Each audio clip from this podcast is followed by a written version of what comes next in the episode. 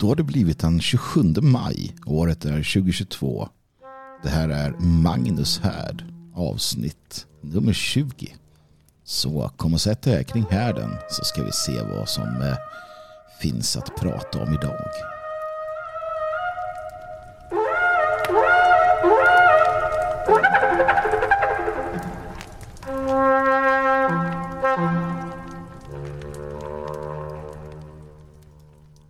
Det som möter dig kära, kära lyssnare är en eh, glad och eh, på alla sätt och vis upplyft, lycklig eh, Magnus Söderman. Och det är väl skönt. Det är väl härligt när man får vara det. Jag hoppas du också har det bra där ute. Att du trots allt som är har förmågan, viljan, omständigheterna att kunna lyfta upp dig själv eller bli upplyft. Det är så vansinnigt viktigt. Det, det är en sån där sak som blir, för mig i alla fall, mer och mer um, mer och mer viktigt eller mer och mer man förstår hur viktigt det är att ha rätt människor kring sig.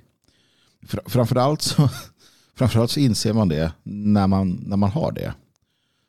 När man inte har det så hittar man ursäkter, man hittar eh, vägar att arbeta runt det hela. Man, man klarar sig, man hankar sig fram, man, man, man får saker att fungera.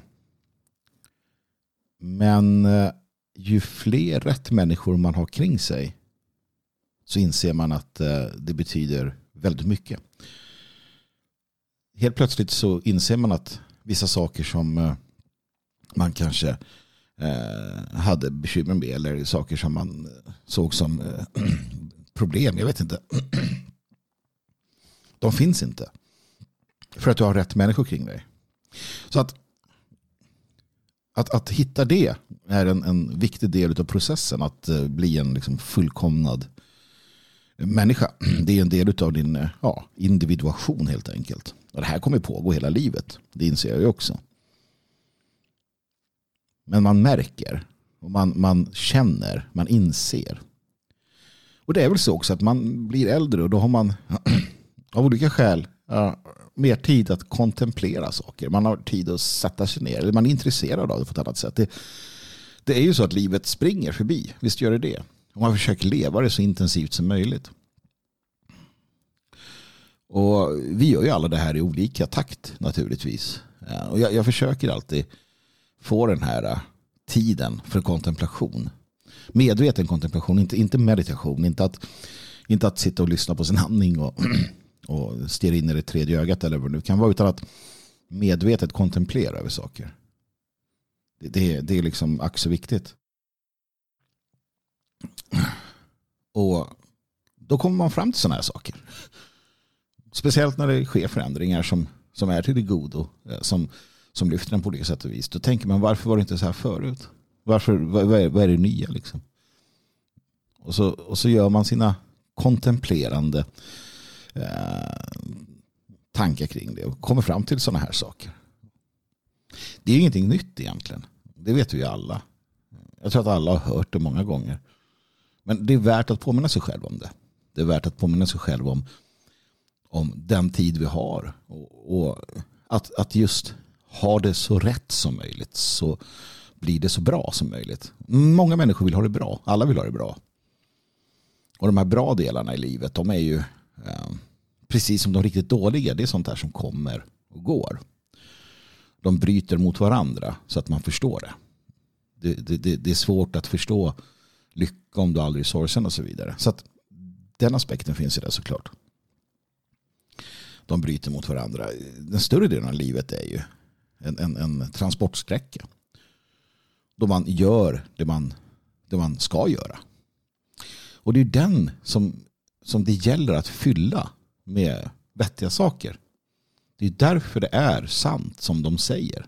Våra, våra smarta fäder, farmödrar eller vilka det nu var som sa det. Att det är de små sakerna i livet som räknas. För det är det. Och ju mer man tänker på det desto mer sant blir det. Sanningen är ta mig tusan enkel. Och sanningen eh, förklaras med ett få ord.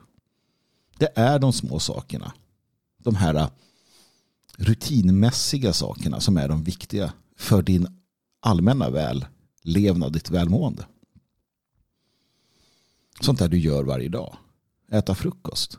Det gör du varje dag, förhoppningsvis. Och, och, och om den händelsen i ditt liv, om den företeelsen är en bra sån. Ja, du äter frukost varje dag. Om du kan dela den med någon som lyfter dig, som lyfter varje dag för dig, ja då kommer varje dag vara lite bättre. Och den, den halvtimmen som du tillbringar vid frukost, eller vad det kan vara, blir ju då utslaget över ett halvt liv ganska lång tid. Det finns andra sådana här saker man gör varje dag. Träningen till exempel. Laga middag förhoppningsvis. Läxläsning med barnen eller rutinen innan man går och lägger sig. Alla de här sakerna är ju sånt du gör rutinmässigt. Och det är då du ska se till att de räknas. Då får du ju ett, ett liv där den här transportsträckan helt plötsligt blir riktigt bra. Det är sånt där jag tänker på. sånt där man kommer fram till. Och uh, nej, men det, det, det känns uh, det känns liksom helt rätt. va? Det är helt helt uppenbarat när man, när man tänker på det, när man ser det. Om du kan, om du kan få en eh, om du kan få tvätten när du tvättar att vara en, en bra, positiv, upplyftande sak. Ja, då kommer ju, ja du förstår ju själv. Till skillnad från att det ska vara någonting negativt. Det är därför, därför du inte ska tillåta negativa företeelser, människor i ditt liv. Om någonting drar ner dig, ja naturligtvis så ska vi alltid göra det bästa vi kan för att ändra på saker och ting. Men när det inte går. Samtidigt ska du våga tillåta positiva saker i ditt liv. Och det är nog så svårt. Det är nog så svårt. Att fatta beslut som är svåra för att de är sorgliga. Det, det tänker vi alla är liksom, så är det. Det är inget kul. Men att fatta beslut som är positiva för att de är svåra. Det tänker vi inte gärna på att man måste göra. Men det måste man. Och då måste man förstå att man förtjänar det. Man måste förstå att man förtjänar att ha det så. Att det är en, en strävan som vi delar. Och där har väl egentligen amerikanerna tycker jag någonstans fattat det. Att de har skrivit in i konstitutionen att det är en konstitutionell rättighet att sträva efter lycka. Att, att det är liksom inskrivet som en, en grej. Att varje medborgare har rätten att sträva efter lycka. Det, det säger något, något om, om, om grundlagsfäderna. Som, som menade det då.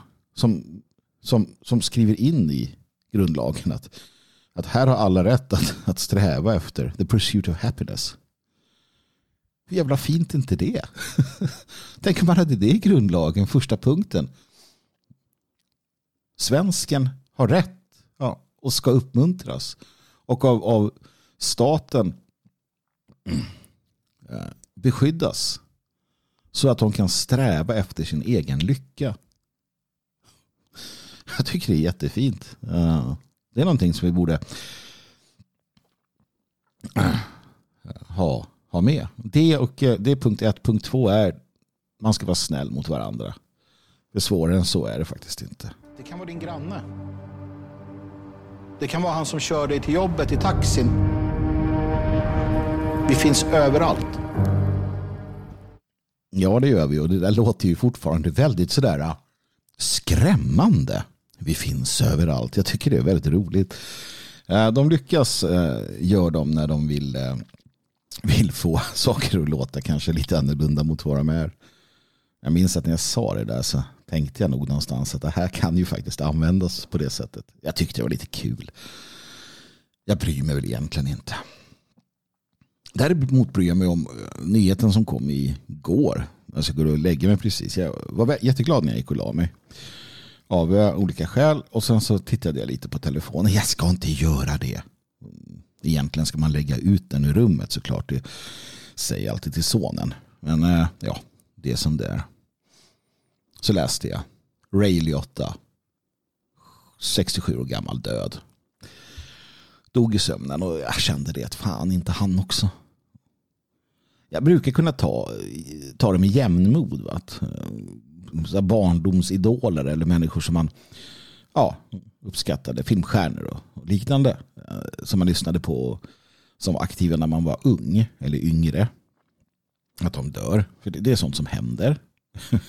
Det är svårt att göra något åt. Eh, men, men det är ändå tråkigt såklart. Och Ray Liotta, eh, maffiabröder, jag säger liksom, det behöver, man behöver inte säga mer. Han, han skulle ha gjort en enda film i sitt liv och liksom eh, tagit hem eh, allt. Jag ska inte säga att den liksom har präglat den på något sätt. Sådär, att, åh, eh, men, men eh, det är klart att den, precis som så många andra av den där tidens filmer, eh, gjorde någonting, skapade någonting, bidrog till någonting. Och det är en fantastisk, uh, fantastisk skådespeleri, en, en stjärn, stjärnsmäckad, säger man det, film. Maffiabröder. Så går Ray Liotta och dör. Det är väl egentligen den filmen jag känner till honom från. Jag vet att han har spelat in andra filmer men jag minns inte vilka de är. men som sagt, ibland räcker det med en. Och i hans fall räcker det med en. Och 67 dog i sömnen. Det ska inte vara så. Det tycker jag är tråkigt. Det, det, det tycker jag är. Det tycker jag att ta i helt enkelt. Um, men i alla fall, vi, vi fick maffiabröder av honom. Men det blir att man blir ja, existentiellt tänkande när, när de eh, faller bort en efter en. Inte helt, eh, inte helt roligt. Och roligt, det är det sällan eh, på det sättet i vår samtid. Jag inledde med att förklara att vi måste själva. Och det är så, alltså, vi är ansvariga för vår egen lycka och välgång. Och i stor mån vår framgång. Vi är ansvariga. Vi kan lyfta oss ur äh, omständigheter. Om du är född fattig eller i socialgrupp C eller vad de nu heter. Så kan du lyfta dig av egen vilja. Det kan du göra. Det är svårt men du kan. Ja, om du kommer från ett eh, arbetarklasshem så kan du lyfta dig till akademiker om du vill. Om du har liksom um, i, i, dagens samhälle behöver du inte ens ha egentligen uh, några, någon, någon, någon eh, liksom predisposition för. Utan, utan det kan bara bli så för att man släpper in vad som helst. Förlåt, men det är sant. Alldeles oavsett, har du talangen, har du, har du viljan, ehm, då kan du lyfta dig själv. Och det, det är ditt ansvar. Ditt ansvar. Ditt liv är ditt ansvar. Och du kan alltid påpeka, jag ska komma in på det senare, du kan alltid påpeka och och förklara att saker och ting är orättvisa och det är så. Och du, du har rätt. Men det är ditt ansvar. Du är din egen lyckas smed. Och det här måste man komma på när man blir äldre. Det här är något man inte förstår som ung. Utan, utan då är det gärna då är det gärna annat som, som präglar en. Men ju äldre man blir desto mer måste man förstå det. Och det är lite synd att det kommer i den ordningen för det hade varit bättre om det hade kommit i början så att man förstod det. För då hade man kunnat lägga en bättre grund för sig själv. Men det är därför man ska eh, lära sina barn detta och det är därför vi alla ska hjälpas åt med våra barn för att bygga en framtid för dem och ge dem eh, förståelsen för att de är sin egen lyckas med. Och därvidlag också samhället blir sin egen lyckas med. Folket blir sin egen lyckas med. Rasen blir sin egen lyckas med. Går en ras under, går ett folk under så är det deras eget fel. Som kollektiv. Det är inte varje enskild individs fel i, den, eh, i, den, i det kollektivet. Men det är deras eget fel. Den situation vi befinner oss i är vårt eget fel. Eh, och i allt väsentligt den situation du befinner dig i är upp till dig att eh, reda ut eller att ta itu med och att skapa bättre förutsättningar för dig själv. Om du vill. Du behöver ju inte det. Men gör du inte det, ja, man måste ta konsekvenserna av sina handlingar. Positiva som negativa. Och det är synd att man ofta fastnar på de negativa.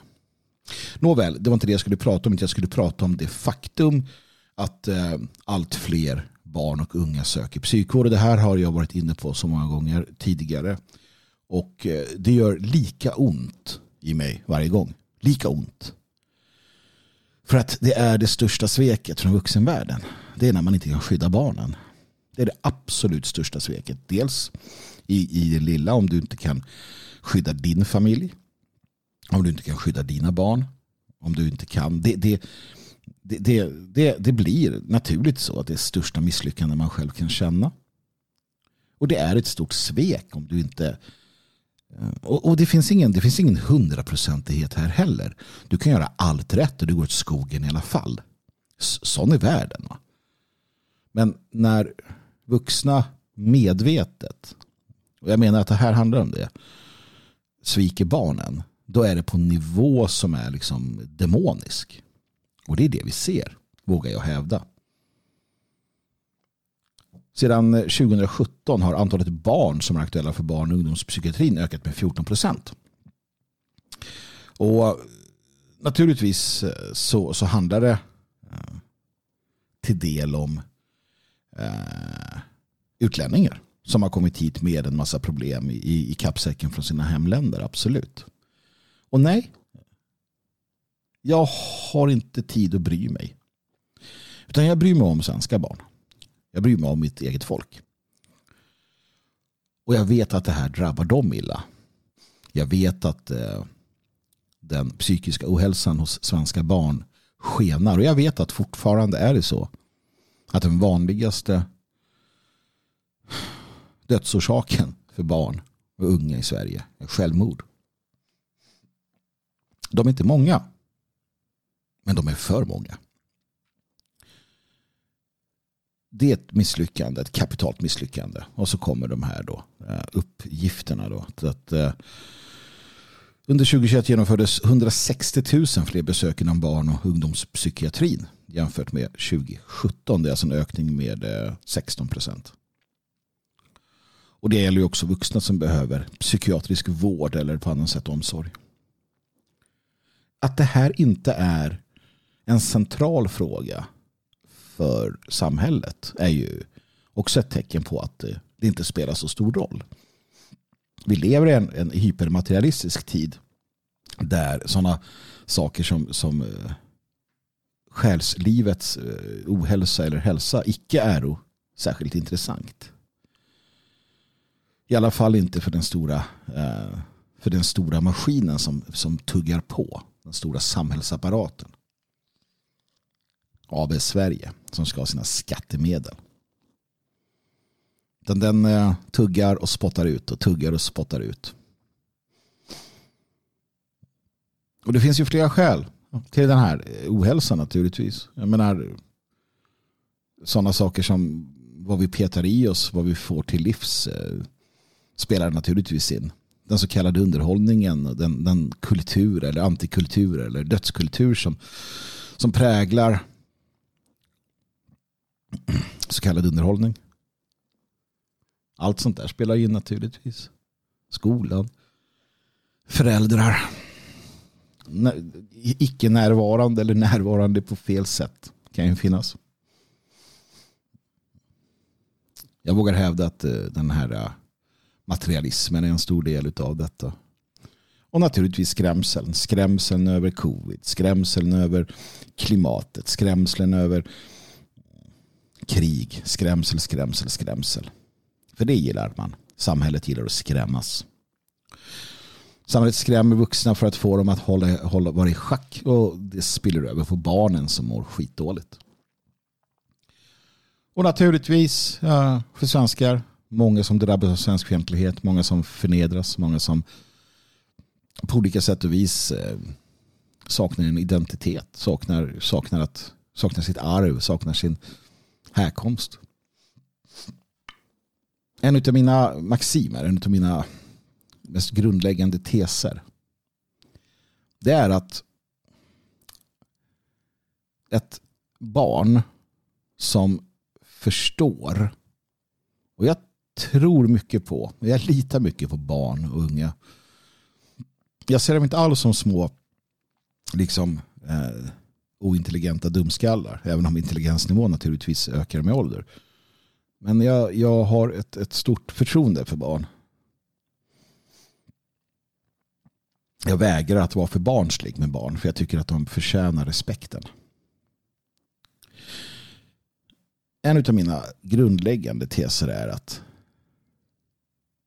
en eh, ung man en ung pojke som vet varifrån han kommer.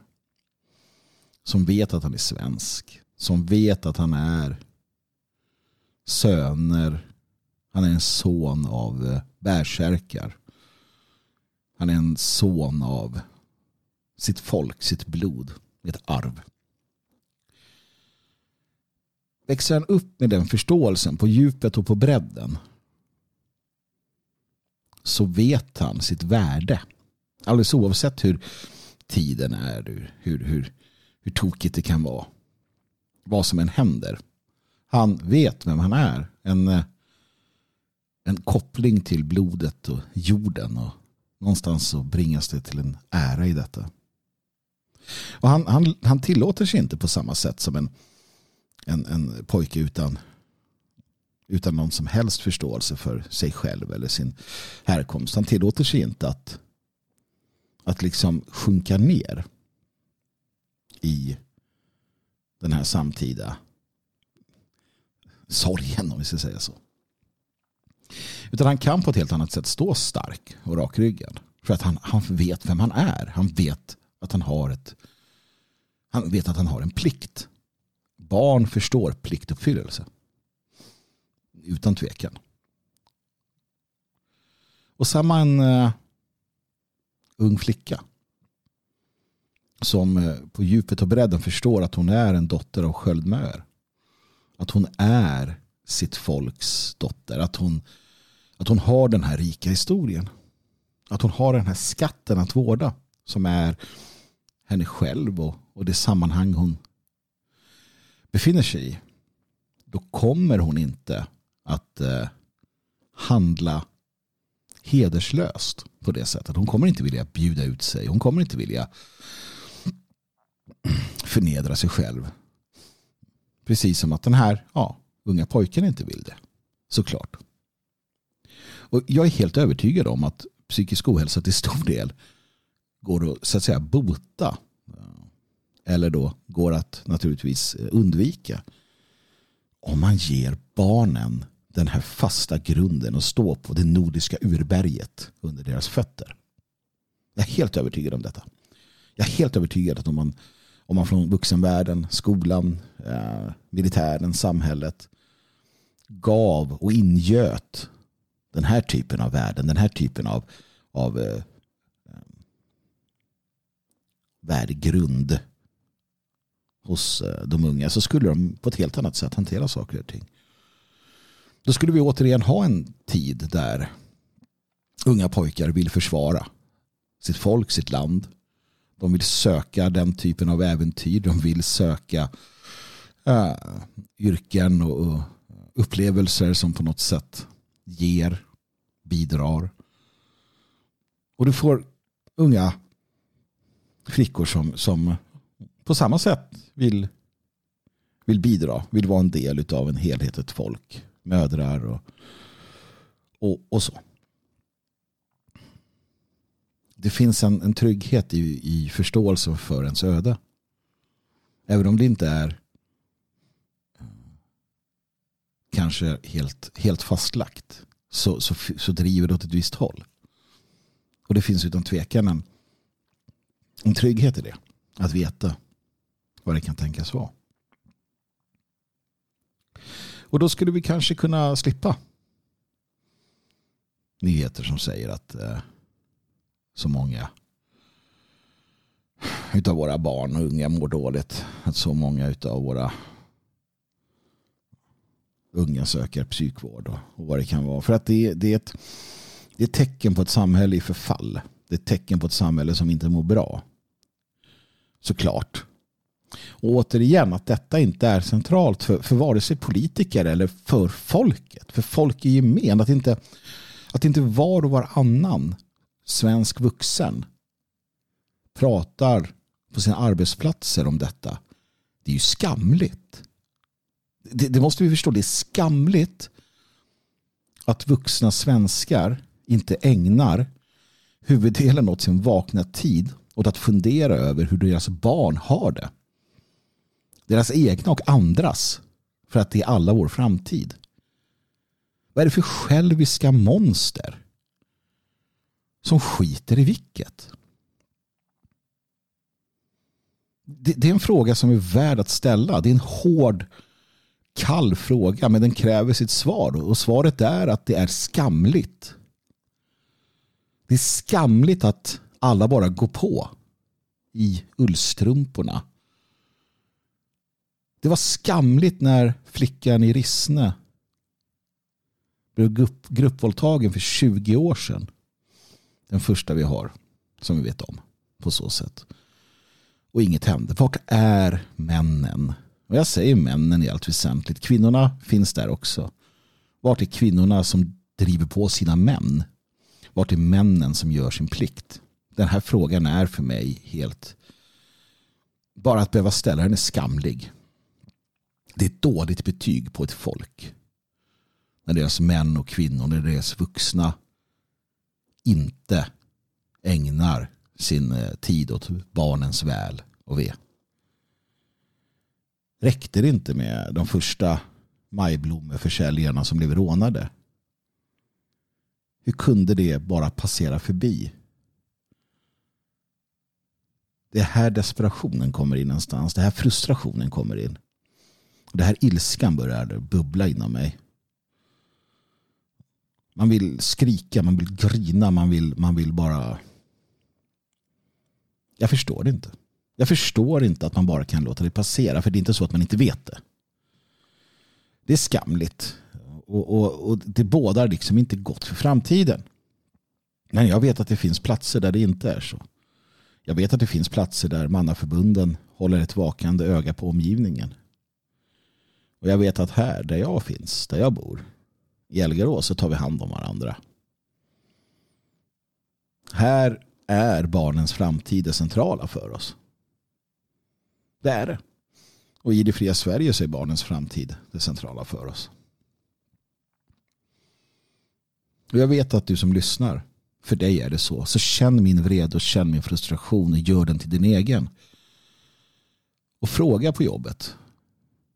Fråga i de sociala sammanhang du befinner dig. Varför i helvete bryr ni er inte om våra svenska barn? Hur kan ni låta detta fortgå? Vart är er heder? Vart är er ära? Ställ de frågorna till de som är tysta. Ställ de frågorna till de som inte bryr sig. De som sätter sitt eget, sin egen lustfyllhet framför detta. Istället för att tjäna, istället för att göra sin plikt och istället för att bry sig. Jag, eh, jag vet att det, det, finns en, det finns en väg bortom detta. Och jag vet att vi är många som som just sätter barnens väl och ve, folkets väl och ve framför allt annat. Det gör vi rätt i. Och vi måste göra det öppet och ärligt så att fler känner och inser att eh, de är ute på hal is, svag is och att de måste rätta in sig i ledet så att vi återigen blir en nation där barnen, våra barn är starka, fulla med kärlek och fulla med förståelse för vilka de är, varifrån de kommer och vart de är på väg. För då har vi en, en ljus framtid.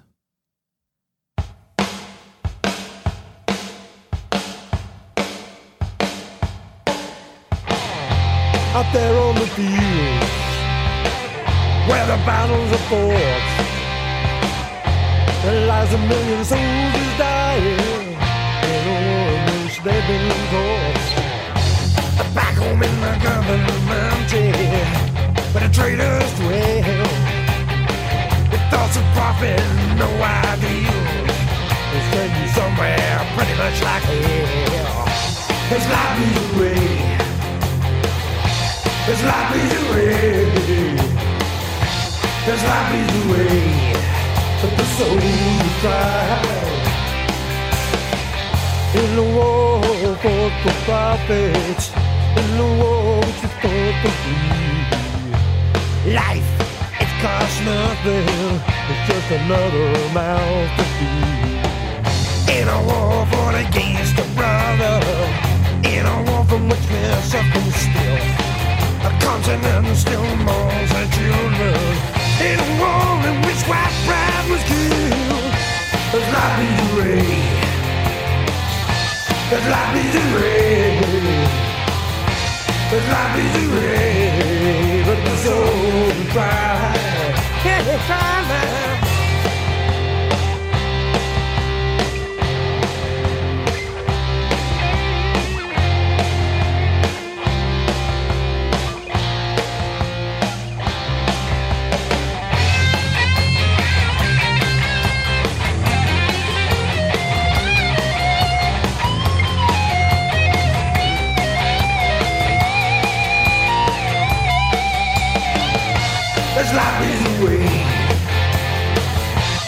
There's life is a way.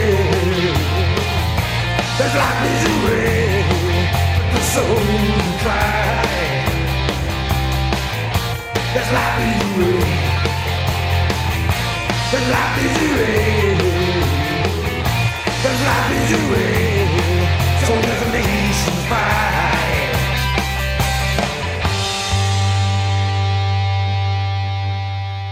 Life Bleeds Away. Jan Stewart hade vi där. Och eh, musiken spelas, presenteras eh, i samarbete med Midgård. Midgardshop.com. Midgard, alltså med två anshop.com och Liberplay. Liberplay.se där du kan streama nationalistisk musik. Det är inte illa, det är inte. As Lives Bleeds Away. Ja, ja. Man kan konstatera att det var en på alla sätt och vis eh, lämplig låt med tanke på vad som händer då vi har ett eh, så kallat brödrakrig. Så kallat det är ett brödrakrig som pågår i vårt Europa, Ryssland mot Ukraina. Fortsätter med oförminskad styrka känns det som och eh, eh eländet och katastrofen är ju ett faktum sedan länge. Och det som händer är att vita minimeras, decimeras. Vita dödar vita. Någonting som vita är väldigt duktiga på. Vi verkar ha en eh, bisarr fallenhet för att slakta varandra. Framförallt för andras skull. Två världskrig lyckades med den bedriften. Och vi håller på då nu också. Köttkvarnarna maler Europas köttkvarnar som de har gjort så många gånger förr. Och vet ni vad som kommer att hända? ska jag berätta för er. Efter att kriget är över, för det är det till sist, förr eller senare tar det slut. Och man har decimerat den ukrainska befolkningen. Sett till att deras söner har hamnat i jorden. Ja, då måste man importera. Importera människor. Oj, säger man. Titta här på befolkningsutvecklingen. Det var inte bra. Det har Försvunnit åtskilliga tiotusentals med män. Mm, ska vi ha någon framtid här så måste vi importera. Precis som i Europa. Precis som i Europa där vi måste importera människor för att vi inte föder barn. Har FN konstaterat och politiker, ska vi klara pensionerna? Ska vi klara pensionerna framöver? De här jävla asen som har eh, sett till att det blir så här. De förtjänar inga pensioner. Så, då var det sagt också. Ska vi klara pensionerna? Varför ska människor som har gjort allt de kan för att förstöra sitt land och röstat på folkförrädare. Vad ska de ha pensioner till? Den där bitterheten. Va? Först ägnar vi ett, en livstid åt att eh, attackera nationen, att vara progressiva, att eh, applådera sig själva och uppfylla sig själva och bränn bhn och hata Gud och allt det kan vara. Sen när det är klart, pensionerna. Jag ska ha pensionen. Den som viker ett steg tar avsked från oss, det är lagen, gör sen som du vill. I det fria Sverige så slipper jag i alla fall med dem. Där är vi som har valt väg. Ja. Köttkvarnarna maler. Det är det som är problemet. Innan första andra världskriget så såg det ganska bra ut för vår, vår ras. Vi var säkra på vår jord. Inte så mycket därefter. Och idag ser det riktigt illa ut. Riktigt illa ut när vi tittar på andelen vita kvinnor i åldern att de kan föda barn eller yngre. Egentligen den enda befolkningskategori som räknas utifrån en demografisk synvinkel. Där ligger vi pyrt till. Det väntar några tuffa århundraden. Det gör det. Och det gäller att man har, som jag sa inledningsvis, den här inte bara århundraden, alltså det väntar ganska tuffa tider framöver. Och, och, och återigen, jag vänder mig till dig, kära lyssnare. Vad har du för skydd? Vad har du kring dig? Vem har du bredvid dig? Vem tar din rygg där du befinner dig? Vem finns för dig? Att vara ensam är inte att vara stark. Att vara ensam är att vara ensam. Det är inte svårare än så. Sluta tro att du är någon ensam krigare, att du är någon stark. Sluta bara. Att vara ensam är att vara ensam. Det gäller, det gäller alla situationer i allt väsentlighet. Det gäller i, i, ditt, eh, i ditt liv som svensk i, den här, eh, i det här samhället. Att vara ensam i det här samhället är att vara ensam. Det gäller i relationer. Att vara ensam är att vara ensam. Det är inte att vara stark. Att vara stark är att vara tillsammans. Det är att ha människor kring dig. Robusta hjälpsystem. Du kan vara stark i dig själv, men eh, fortfarande så. Varför tror du att eh, de stora, de stora flottstyrkorna i USA skickar ut sina hangarfartyg. Där har du starka fartyg, stora fartyg. Men de omgärdas av ubåtar, jagare, korvetter och allt möjligt. Varför är inte de själva? Varför flyter inte de omkring ensamma på havet? Starka som de är för att jag är en sån stark varelse i mig själv. För att de inte är starka själva, för att de sänks om de är själva. Ensam är ensam.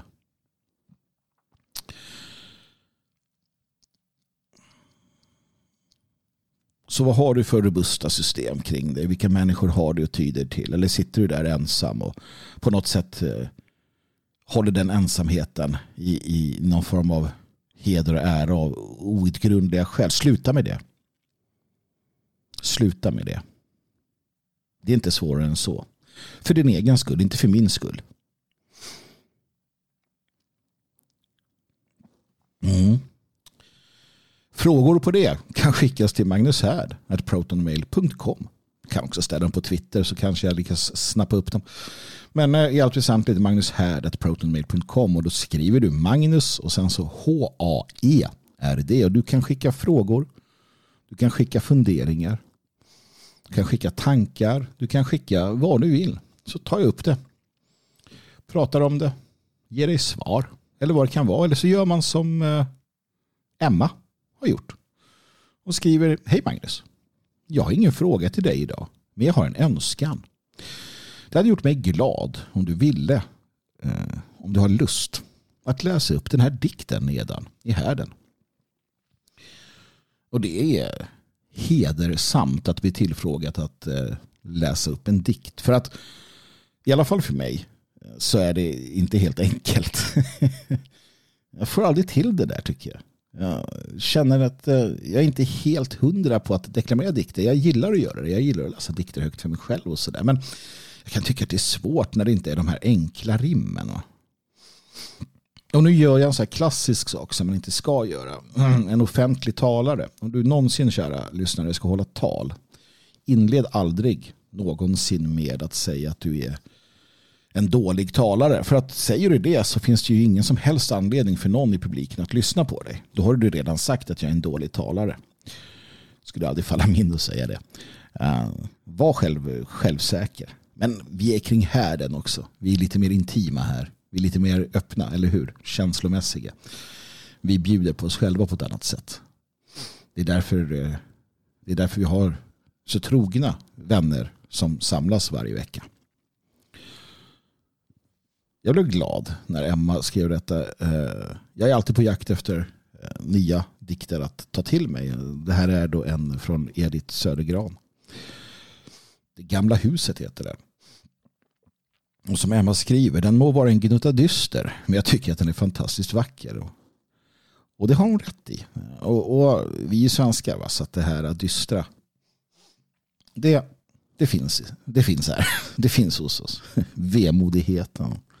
Finnarna är riktigt duktiga på det, men vi är inte, vi är inte långt därefter. Hur nya ögon ser på gamla tider likt främlingar som inte ett hjärta ha. Jag längtar bort till mina gamla gravar. Min sorgsna storhet gråter bittra tårar. De ingen ser. Jag lever kvar i gamla dagars ljuvhet bland främlingarna som bygger nya städer på blåa kullar upp till himlens rand. Jag talar sakta med de fångna träden och tröstar dem ibland. Hur långsamt tiden tingens väsen tär och ljudlöst trampar ödets hårda häl. Jag måste vänta på den milda döden som bringar frihet åt min själ. Mm. Det gamla huset av Edith Södergran och den är ju fantastisk som Emma säger. När man låter den sjunka in. Känns också aktuell. Jag lever kvar i gamla dagars ljuvhet bland främlingar som bygger nya städer. På blåa kullar upp till himlens rand. Jag får en känsla av Babylon. Jag får en känsla av Babels torn. Städerna som reser sig och man, man befinner sig där. Och, ja, absolut. Jag, jag, har inget, jag har inget problem med städer. Det har jag inte. Jag har problem med arkitekturen och jag har problem med, med hur de alltid förfaller. Hur det alltid skapas gettoisering och liknande. Men det handlar mer om ekonomiska system och människor än om arkitekturen. Det finns någonting med städer också. Men, men, men visst, jag identifierar mig definitivt med det här. För min del så är det ju högst teoretiskt att leva i gamla dagars ljuvhet dock.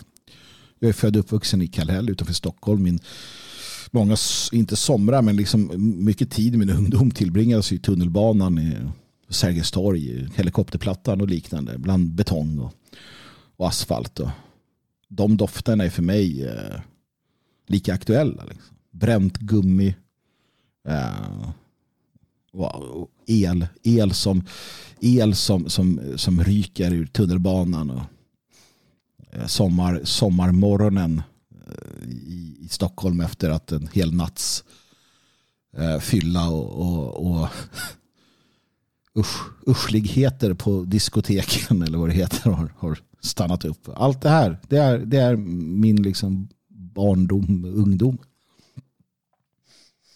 Så att jag har inte den här uh.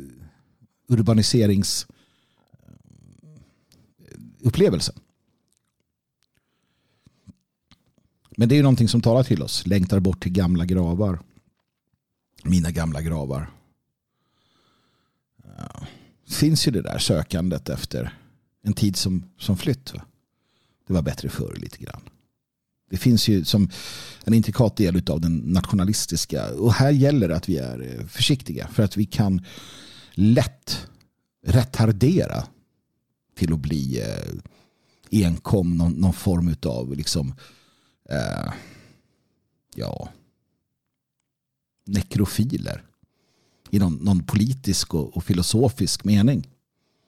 Där det eviga vurmandet för de, de, de tysta gravarna och den, den eh, liksom tid som har varit. Det som har varit har farit. Det måste man förstå. Va? Och här gäller det återigen att, att ha balansen. Att, att se och förstå historien, att använda den, att, att dra nytta av den utan att, utan att för, för, liksom försvinna i den.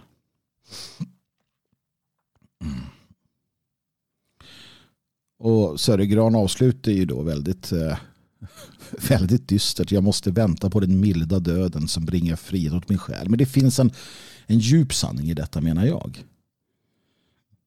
Jag, jag, är, jag är helt överens med Edith Södergran om att själen befrias i, i dödsögonblicket. Och, och fortsätter. Eh, fortsätter sin, eh, sin färd. Det finns ingen tvekan ja, om, om detta. Det är det enda som, som i min värld är rimligt, logiskt ehm, och så. Och, och i, i, i viss mån väntar vi alla på den milda döden. Jag är glad över att hon använder den milda också så att vi inte vi, ska inte, vi, ska, vi måste sluta liksom fortsätta eh, reproducera de här de här eh, svarta prästernas eh, skrämsel. Den, den, den duger inte mycket till. Det har aldrig varit meningen. Vi ska inte göra gott för att vi är rädda för döden. Vi ska inte göra gott för att vi är rädda för helvetet. Vi ska göra gott för att vi är goda människor. Vi är goterna. Got. Vi är Guds folk. Guds barn. Vi gör gott för att vi är goda. Vi är goter. Så att dyster, Emma, jag vet inte. Det är klart att den är dyster, men den är också väldigt upplyftande, väldigt livgivande, väldigt livs, eh, menar jag då, livsomhuldande i sig om man förstår den. Tycker jag absolut att den är. Sanningar kräver inte mycket förklaringar. Sanningar det är, det är korta sentenser, det är maxim, det är enkelt. Hellre en fågel i handen än vad är det man säger?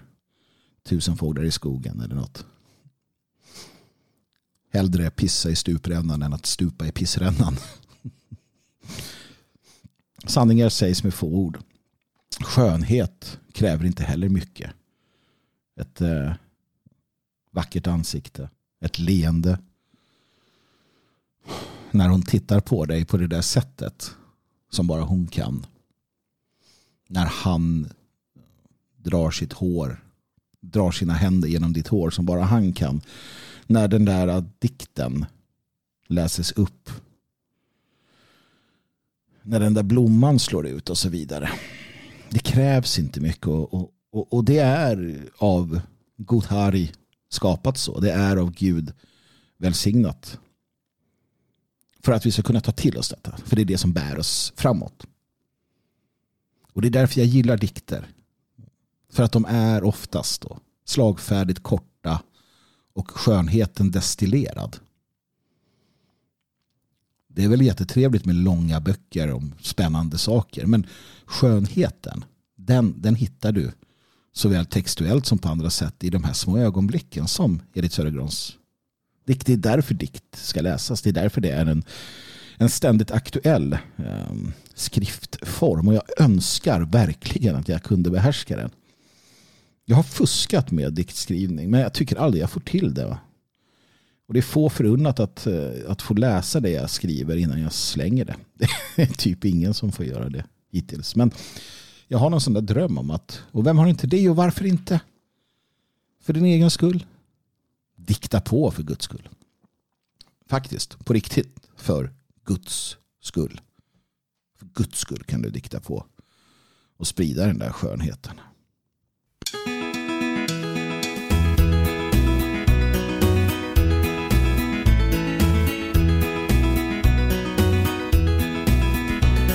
Remember I'll try. It was nearly July as we walked down the road. I remember the year. There was me, there was Sam, Jimmy Sloan, and McCann would enlist in the volunteers. And the man says to me, Boy, I hope you will see and remember this day all the things you've been taught. Could be now and then we will fight once again for the things that our grandfathers fought. And I swore like the rest to the badge on my breast, to the gun in my hand.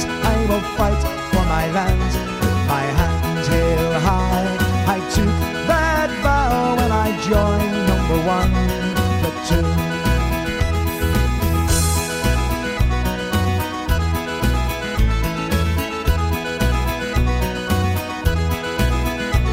And deep down inside, my heart fills with pride. I remember the men who have fought through the years. I could name quite a few, but to me and to you, they were all still volunteers. And the man says to me, Boy, I hope you will see and remember this day all the things you've been taught. It could be now and then, but we will strike once again for the things that our grandfathers fought. And I swore like the rest to the badge on my breast, to the gun in my hands. I will fight for my land with my hands held high. I took that vow and I joined number one platoon.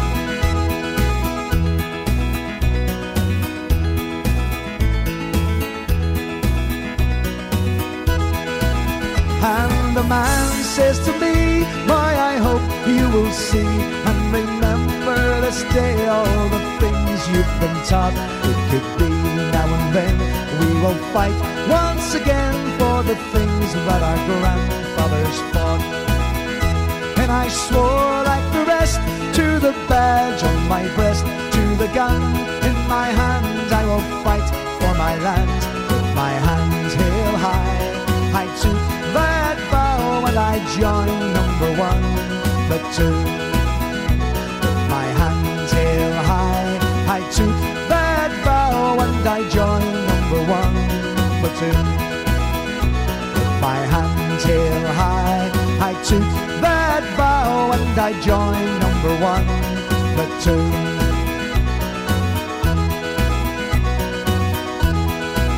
And I joined number one platoon.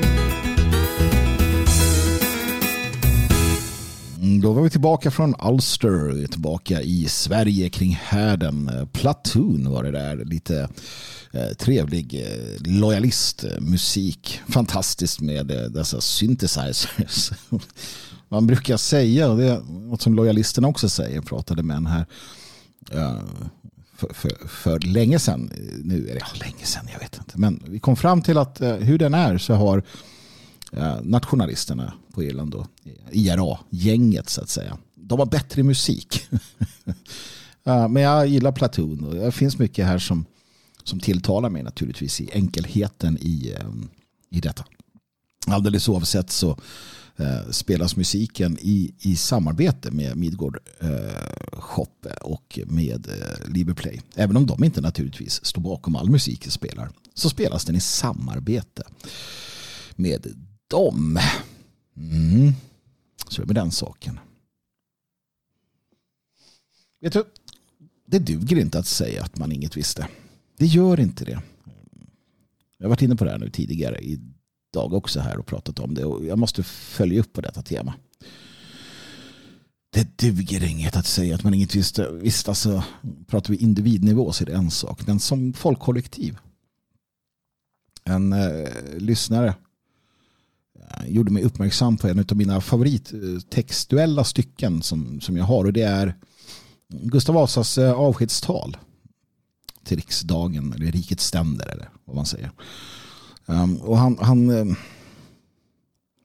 han tar upp saker i detta. Gustav Vasa var ju en, en fantastisk människa. Ehm, lika, lika stor del svensk liksom, förlösare som i, i moderna termer uh, maffiaboss. och så var det. Absolut. Utan, utan Gustav, utan Jösse, inget eh, Sverige som vi känner. Och han, han visste en del grejer. Och återigen, eh, det duger inte att säga att man inget visste. I sitt avskedstal sa Gustav Vasa Jag vet att jag i många sinne varit en hård konung. Men de tider skulle komma då Sveriges barn skulle vilja riva mig upp ur mullen, stod det i deras makt. Jag vet dock att de svenska är snara till att samtycka, sena till att utransaka. Jag förutser att många villoandar framledes kommer uppkomma. Därför ber jag och förmanar er, håll er hårt vid Guds ord. Var överheten, hörsamma överheten och var sinsemellan eniga. Eh, min, min fria eh, översättning eller tolkning eller så av den svenska, den gamla svenska som det här är skrivet på. Det här sades för en massa år sedan. Hörrni. Eh, och han hade knäckt det redan då. Jag vet att de svenska är snara till att samtycka, sene till att utransaka. Det är vårt kynne i ett nötskal.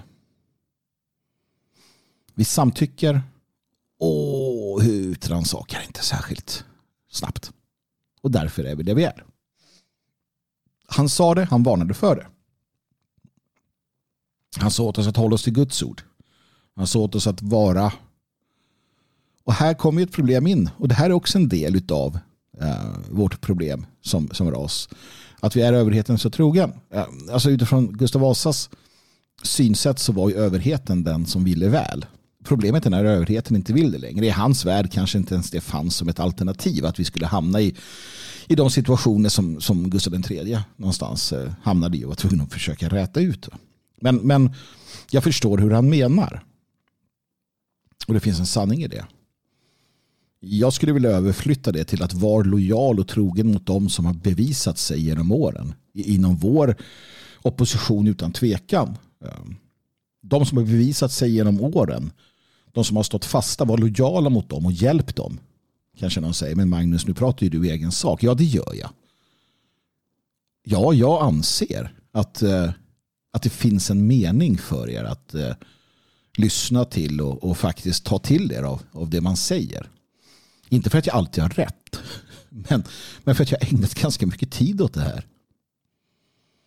Det finns en del där att ta med sig. Och att vara lojal. Och att vara eniga med varandra. Precis som vi i Det fria Sverige försöker då att, att upprätthålla en, en väldigt stor öppenhet. Eh, en gemenskap. Trots att vi tänker och tycker så olika i många frågor. Vilket gör det hela fantastiskt trevligt. Gustav Vasa varnade om framtiden. På samma sätt så, så varnade George Washington, USAs första president, när han i sitt avskedstal sa att eh, han rådde sina efterkommande att eh, Amerika, USA skulle vara eh, hedersamma i affärer. Man skulle göra affärer med alla och vara hedersamma. Men man skulle inte lägga sig i några andra nationers inre angelägenheter. Det var George Washingtons råd till de efterkommande statsmännen i USA. Driv, bedriv handel, liksom utbyte, kultur etc. Men lägger inte i deras interna angelägenheter. Och vad gjorde USA? Och vad gjorde svenskarna? Gamle kung Gösta sa åt oss och vi struntade i det. Och det här är ett evigt återkommande. Det är kanske det här som är Nietzsches evigt återkommande.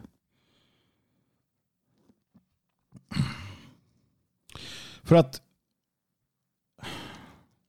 för att det är väldigt tydligt historiskt sett. För den som studerar kultur, historia, religion så, så är det liksom inga nyheter.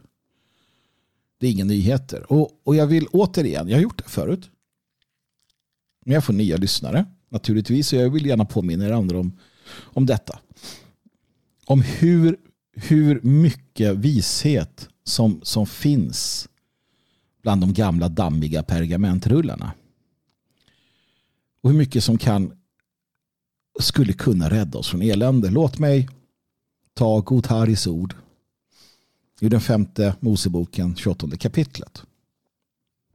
Jag bryr mig inte om eh, vilka preferenser ni har gällande detta. Förstår ni inte, äh, förstår ni inte hur de ariska religionerna hänger samman så är inte det min huvudverk. Förstår ni det så har ni tagit många steg mot en, en upplysning. I femte Mosebok kapitel 28 så, så talar Godhari till sitt folk. Han eh, talar om viktiga saker som bör hörsammas. Han säger om du lyssnar till eh, Herren din Guds röst genom att noggrant följa alla hans bud som jag idag ger dig så ska Herren din Gud upphöja dig över alla andra folk på jorden. Och alla dessa välsignelser kommer över dig och nå fram till dig när du lyssnar till Herren din Guds röst. Bara en, en passus här då. att höjas upp över alla andra på jorden. Det är den, den ariska rasens eh, öde som trädgårdsmästare. Att vara de som är denna planets um, ja, omhändertagare, upprätthållare av den gudomliga ordningen. Det är, en, det, det, är en, det, är en, det är ett uppdrag som är givet oss. Det är vår, vårt öde. Och det finns råd kring hur vi ska klara av detta. Vi går vidare. Om, alltså säger han, om, om du gör om du följer de naturliga gudagivna lagarna, för det är det det handlar om, de naturliga gudagivna lagarna. Så, citat, när dina fiender reser sig upp mot dig skall Herren låta dem bli slagna inför dig. På en väg skall de dra ut mot dig, men på sju vägar skall de fly för dig. Herren ska befalla sin välsignelse att vara med dig i dina förråd och i allt vad du företar dig. Han ska välsigna dig i det land som Herren din Gud ger dig.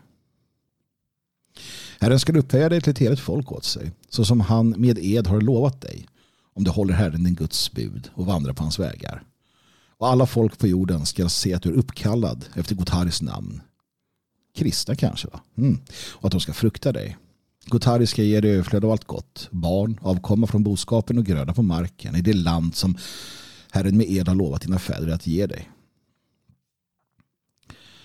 Och så här fortsätter det.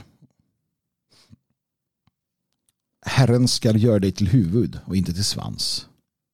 Du ska endast vara över och aldrig vara under om du lyssnar till Herren, din Guds bud, som jag idag ger dig för att du ska hålla och följa dem.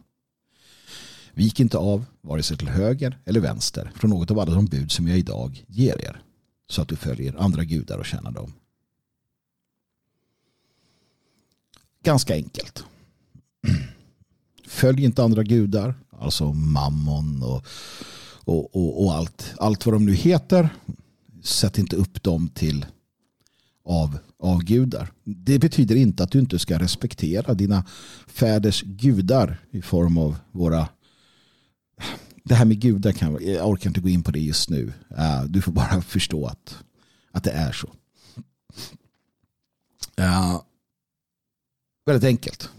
Lyd Gotari. Lyd de naturliga lagarna. Gör din plikt. Det kommer gå bra. Och det är inte magi över detta när, när det talas om Herrens välsignelse. Det är inte att Herren sitter och välsignar dig med eh, liksom några osynliga... Det handlar om att du gör och lever enligt den, den gudomliga lagen som styr vår, vår tillvaro. Och gör du det så blir det bra. Per automatik. Men säger ju då fadern också att det finns ett men. För att risken är att du inte gör som jag säger. Risken är att du, du ser de naturliga lagarna, sen struntar du i dem. Då tror att du är så jävla mycket smartare och bättre själv. Och då så läser vi vidare. Och det här är skrivet för ganska många år sedan. Eller hur? De här orden som kommer till oss. Men om du inte lyder Herren, din Guds röst, och inte håller fast vid och följer alla hans bud och stadgar som jag idag ger dig, så ska alla dessa förbannelser komma över dig och nå fram till dig. Och då ska vi se, kära lyssnare, vilka förbannelser som kommer över ett folk som inte följer de gudomliga lagarna. Du ska famla mitt på ljusa dagen så som en blind famlar i mörker och du ska inte ha framgång på dina vägar. Du ska bli förtryckt och plundrad i alla dina dagar utan att någon räddar dig. Du ska trolova dig med en kvinna men en annan man ska ligga med henne. Du ska bygga ett hus men inte få bo i det. Du ska plantera en vingård men inte få skörda någon frukt från den. Din oxe ska slaktas inför dina ögon. Du ska inte få äta av den. Din åsna ska rövas bort från dig. Din åsyn och inte föras tillbaka till dig. Dina får ska ges till dina fiender utan att någon kommer till din hjälp. Dina söner och döttrar ska ges till främmande folk och dina ögon ska se det och ivrigt längta efter dem varje dag. Men du ska stå maktlös. Ett folk som du inte känner ska äta frukten av din mark och allt ditt arbete. Du ska i alla dina dagar bli förtryckt och utsatt för våld. Du ska drivas till vanvett av det du kommer att se med dina ögon. Mm. Det här är en process som beskrivs. Och jag behöver inte påpeka det uppenbara. Orden slår dig som en eh, hammare på handen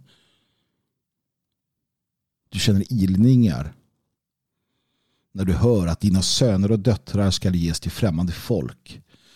Att dina ögon ska se dig och ivrigt längta efter dem varje dag, men du ska stå maktlös. Hur vi famlar mitt på ljusa dagen, famlar bland eh, perversioner och, och, och villoläror. Hur du bygger ett hus. Hur du betalar och betalar och betalar. Och det utnyttjas och kommer inte dig till gagn. Ditt folk och dina barn får stå tillbaka för att det ges till främmande folk som du inte känner. Vidare. Herren ska sända över dig ett folk från fjärran, från jordens ände, likt örnen i sin flykt. Ett folk vars språk du inte förstår. Ett folk med bister uppsyn som inte tar hänsyn till de gamla och inte visar förbarmande med de unga. Det folket ska äta upp frukten av din boskap och frukten av din mark till dess du utrotas. Ty de ska inte lämna kvar åt dig vare sig säd, vin eller olja. Inte din nötboskaps kalvar eller lammen i din jord till dess de har gjort slut på dig. De ska angripa dig i alla dina städer till dess att dina höga och befästa murar som du förtröstar på faller i hela ditt land. Ja, de ska angripa dig i alla dina städer över hela ditt land. Det land som Herren din Gud har gett dig. Istället för att du, vi, är huvudet och de svansen så är de huvudet och vi svansen. Och det är där vi befinner oss idag. Är det så svårt att se detta? Du kämpar och jobbar och strävar och betalar. Men pengarna går någon annanstans. Och det här blir bara mer och mer och mer och värre och värre och värre ju längre tiden går. De främmande folken med sina gudar slår upp sina tempel på din bekostnad. Du betalar för det. Du ger bort, tvingas ge bort din mark för att de ska slå upp sina främmande tinnar och torn. Främlingen som bor inom vårt land rånar, våldtar, kräver. Och vi gör ingenting. Makten som Gustav Vasa pratade om. Många villoandar kommer komma. De gör det. När ett folk slutar bry sig om de naturliga lagarna så kommer villoandarna. Ett folk som håller fast vid de naturliga lagarna som är Guds lagar. Ja, de blir inte lurade. De blir inte bedragna. För att de håller fast vid det rätta, det enkla. I de här eh, sorgliga citaten så finns ju också en räddning. Det förstår ni, hoppas jag. Det enda man behöver göra det är att lyda lagen. De järnhårda naturlagarna. Om du lyder dem så kommer det gå dig väl. Återigen, det här är inte ett magiskt ett magiskt projekt. Det, det, det är klart att, att bön, bön, kontemplation och allt sånt där, det är klart att det finns, finns något där. Men det, det är inte avhängigt. Det handlar mer om dig själv. Det avhängiga är att lyda de gudomliga lagarna.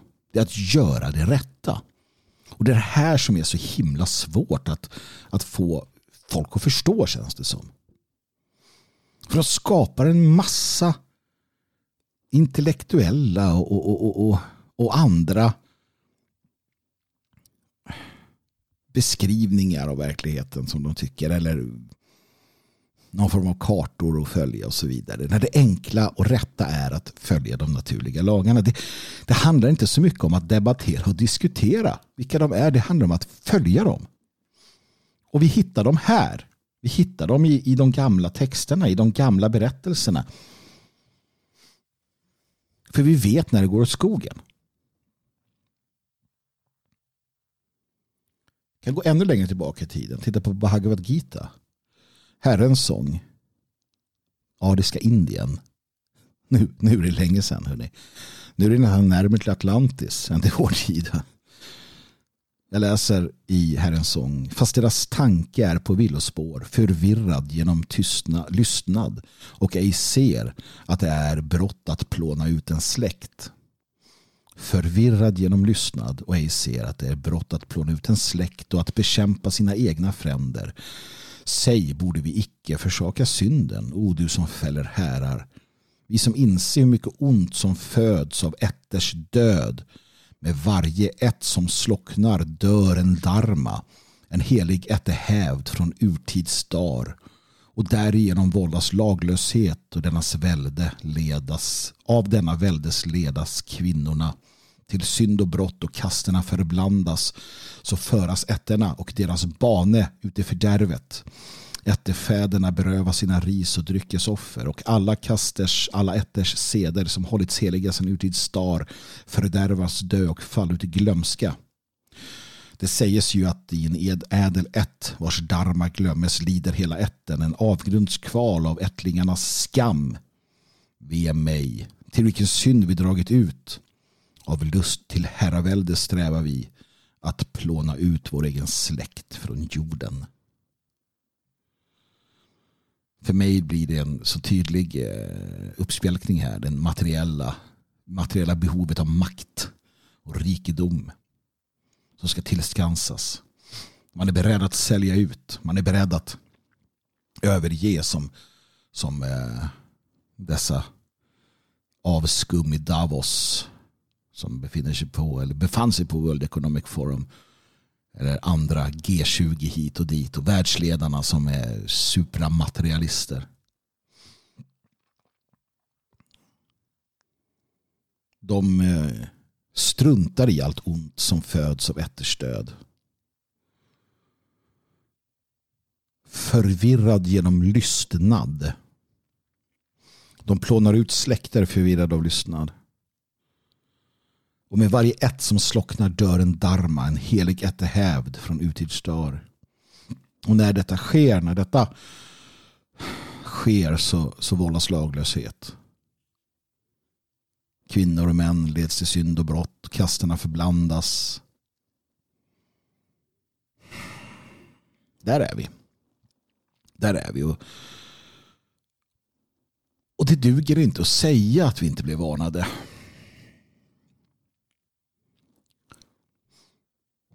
det här finns också inom oss. Det finns inom alla. Jag vet att Bibeln säger att eh, Gud har skrivit sin lag på våra hjärtan. Och det har han när det gäller oss. Så att det, det duger inte heller. Det är därför människor, det är det här som, som man pratar om som eh, apoleterna skriver om, naturrätten. Det vill säga att, att vårt folk faktiskt, Guds folk, gör rätt instinktivt. Det finns sjuka jävlar, absolut. Det finns fallna svin. Vi har vår beskärda del av av, av dåliga människor, absolut. Men i allt väsentligt, och det är därför vi har kommit dit vi har kommit, så är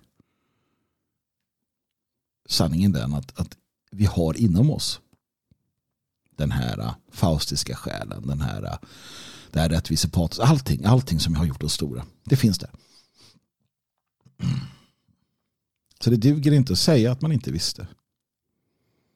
Och det kan vara värt att komma ihåg. Inte för att vi ska ägna alla våra dagar åt att trycka upp det i ansiktet på folk. Men för att kunna hantera och förstå. Och någonstans också tillåta att släppa taget. För det måste man. Återigen så kan du dra väldigt mycket paralleller till det personliga. Man ska stå ut med mycket i det personliga, i, i relationen. Men det kommer alltid en punkt då du måste släppa taget. Och bara för att göra det absolut så svårt som möjligt för oss så kan man se den relationen med ett barn. För det finns eh, tillfällen då en förälder måste släppa taget om ett barn. Jag tänker eh, människor som har hamnat i missbruk. I vissa fall så finns det bara en väg kvar. Och det är att ta sin hand ifrån sitt barn. Det, det är hårt, det är kallt, men det är sant. Och på samma sätt så finns det andra tillfällen då man bara måste kunna släppa taget.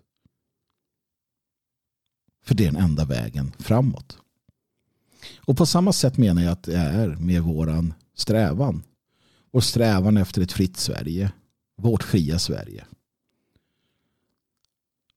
Och, och det handlar om att förstå att eh, det finns en ände till alla ursäkter. Återigen som Tegnér diktar i Fritjofs saga. Den som viker ett steg tar avsked från oss. Det är lagen, gör sen som du vill. När människor om och om och om igen, trots att vi vet att det här är skrivet i deras hjärtan, att de vet någonstans. När de fortsätter av olika skäl att bara agera, handla motsatt det som är bäst för folket. För, för landet, för oss själva. Då måste man släppa det taget. Det är därför jag ser det som att vi bygger en ny stam. På samma sätt som man bygger en ny familj. Man, man, man skapar en ny familj. Man tillhör en familj, vare sig man vill eller inte. Och den får man inte välja. Och sen, sen väljer man, försöker man hitta och välja och skapa en ny familj och så fortsätter. Och på samma sätt så är jag född in i en stam, en, ett folk. Men, men jag är också beredd att skapa en ny stam, ett nytt folk. Om den här äh, stammen jag tillhör inte, inte vill hörsamma de gudomliga lagarna. Om den inte vill det rätta. Då får man ta sin hand ifrån den. Det, det, är, den, det är den eviga sanningen som jag tycker att det här någonstans eh, erbjuder. För att det gäller ett folk. För, för ett folk så, så, så gäller det att upprätthålla och följa de naturliga lagarna men också som individer och som, som mindre kollektiv, en familj till exempel. Där, där måste man också upprätthålla de gudomliga naturliga lagarna och leva efter dem. Det gäller där också, det gäller i ditt eget liv. Och det gäller som, som organisation eller det gäller som sammanslutning och så vidare. Och, och gör man det så går det väl. Om du följer de naturliga lagarna, om du följer de principerna som har väglett vår, vårt folk så kommer det gå dig väl. Det kommer gå din familj väl. På, på de sätt som räknas. Nej, man kan bli sjuk. Man, man, man, man, man kanske inte har alla pengar i världen och så vidare. Det är, inte, det är inte det jag pratar om. För det är inte det som är det viktiga. Det är inte det som räknas. Inte i detta fall.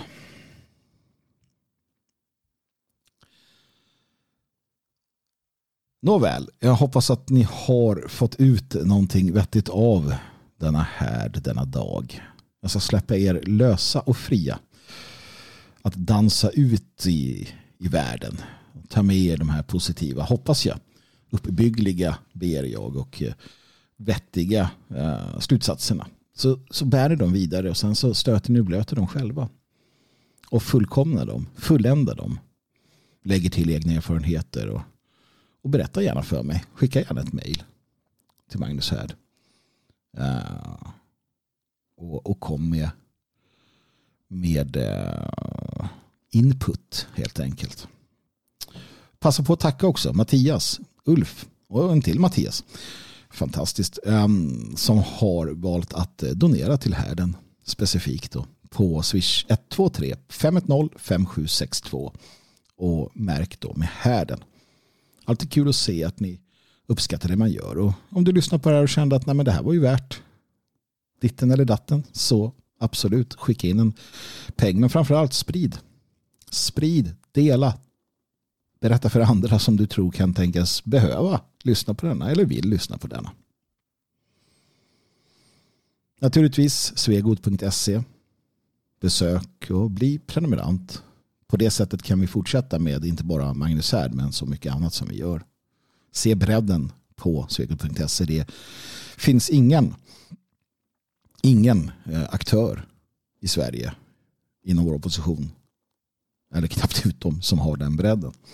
Tillfredsvärd.se, bli en medlem av föreningen. Inse att du behöver och att det finns Eh, en, en väg framåt och någon som kan ta din rygg. Logik.se naturligtvis. Bokförlaget Butiken där du hittar bra litteratur. Livets mening, kör du. Glöm inte vilken den är. Slåss med troll, befria prinsessor, döda varulvar. Det är att leva. Och sist, men inte minst, ge aldrig upp.